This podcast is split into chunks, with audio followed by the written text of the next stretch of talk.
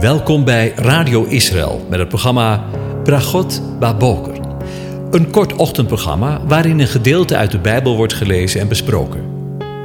Met Bragot Baboker wensen onze luisteraars zegeningen in de ochtend.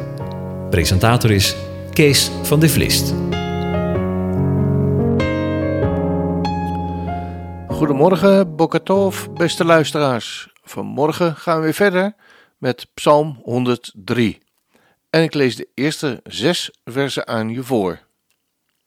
Een psalm van David. Loof de Heere, mijn ziel, en al wat in mij is, zijn heilige naam. Loof de Heere, mijn ziel, en vergeet niet een van zijn weldaden, die al uw ongerechtigheid vergeeft, die al uw ziekten geneest die uw leven verlost van het verderf, die u kroont met goede tierenheid en barmhartigheid, die uw mond verzadigt met het goede, die uw jeugd vernieuwt als die van een arend. De Heere doet rechtvaardige daden en recht aan alle onderdrukte. Tot zover. Over dood en opstanding gesproken. Een volgende reden die de dichter van de psalm noemt om God voor te loven, is dat hij uw leven verlost van het verderf, zoals we lazen in vers 4. Hebben we hier niet met eenzelfde dilemma te maken als met de volgende teksten en afleveringen in dit programma? Loof de Heere mijn ziel en vergeet niet een van zijn weldaden, die al uw ongerechtigheid vergeeft en die al uw ziekten geneest. Immers, we sterven toch allemaal? Hiermee zegt de psalmist dat hij verlost is van de dood. Dit past bij de horizon van de gelovigen in het Oude Testament. En vervolgens zegt hij dat hij wordt gekroond met goede tierenheid en barmhartigheid. Hij ervaart de verbondstrouw, ofwel de goede tierenheid van de Heere tijdens zijn leven. Hetzelfde geldt voor de barmhartigheid dat is de ontferming over de ellende van de gelovigen in dit leven. Het gaat om de omkering van het lot van de gelovigen. In plaats van dreiging van de dood wordt hij nu gekroond, andere vertalen, omringd met goede tierenheid en barmhartigheid. Heb je dat wel eens ervaren? Dat, dat je zo overmand wordt door Gods goede tierenheid en barmhartigheid. We zijn daardoor onaantastbaar voor het dreigende verderf. Dat is alleen mogelijk doordat het lijden en de dood van de Messias verzoening teweeggebracht hebben. Dat is de vervulling van het woord. De dood is verslonden tot overwinning. We lezen in 1 Korinthe 15. En wanneer dit vergankelijke zich met onvergankelijkheid bekleed zal hebben, en dit sterfelijke zich met onsterfelijkheid bekleed zal hebben, dan zal het woord geschieden dat de geschreven staat. De dood is verslonden tot overwinning. Dood, waar is uw prikkel? Graf, waar is uw overwinning? De prikkel nu van de dood is de zonde. En de kracht van de zonde is de wet. Maar, God zij dank, die ons de overwinning geeft door onze Heer Jezus Christus. En Jezaja profeteert in hoofdstuk 25, de Heere van de legermachten zal op de berg voor alle volken een feestmaaltijd met uitgelezen gerechten aanrichten. Een feestmaal met gerijpte wijnen, met uitgelezen gerechten vol merg, met zuivere gerijpte wijnen. En hij zal op deze berg verslinden de sluier waarmee het gezicht van alle volken omsluierd is, en de bedekking waarmee alle naties bedekt zijn. Hij, staat er, zal de dood voor altijd verslinden. De Heere Heere zal de tranen van alle gezichten afwissen en de smaad van zijn volk wegnemen, van heel de aarde, want De Heer heeft het gesproken. In algemene zin weet de gelovige dat het verderf geen vat op hem heeft. Hij kan sterven, maar de dood heeft hem niet meer in zijn macht. De Heer Jezus heeft voor zijn opstanding, voor ieder die in hem gelooft, de dood overwonnen.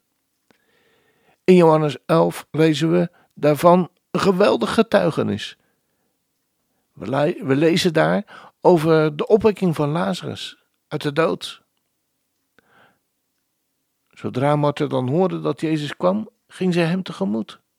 Maar Maria bleef in huis zitten. Maar Martha nu zei tegen Jezus: Heere, als u hier geweest was, dan zou mijn broer niet gestorven zijn. Maar nu weet ik dat God u alles wat God van u, wat u van God vraagt, geven zal. Jezus zei tegen haar: Uw broeder zal erop staan. En Martha zei tegen hem: Ik weet dat hij op zal staan bij de opstanding van de laatste dag. En Jezus zei tegen haar: Ik ben de opstanding en het leven. Die in mij gelooft, zal leven, ook al was hij gestorven. En ieder die leeft en in mij gelooft, die zal niet sterven in eeuwigheid. Gelooft u dat? En zij zei tegen hem: Ja, heren, ik geloof dat u de Christus bent. Ik geloof dat u de Messias bent, de Zoon van God, die in de wereld komen zou. Als dat geen zegen is.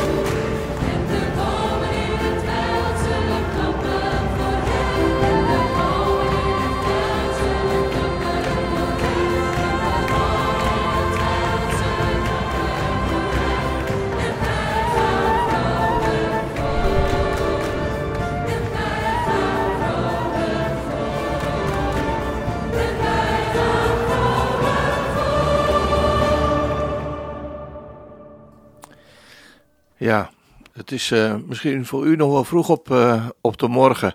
Maar uh, ja, als je, als je van dit lindie blij wordt.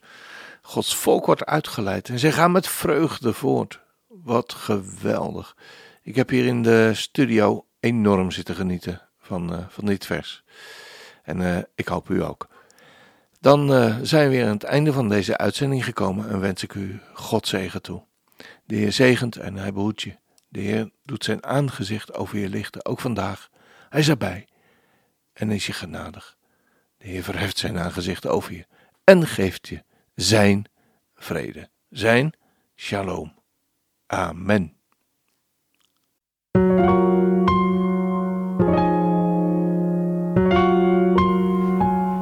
U hebt geluisterd naar het programma Bragot Baboker. Een kort ochtendprogramma waarin een gedeelte uit de Bijbel wordt gelezen en besproken. Wilt u het programma nog eens naluisteren, dan kan dat. Ga naar radioisrael.nl en klik onder het kopje radio op Uitzending gemist.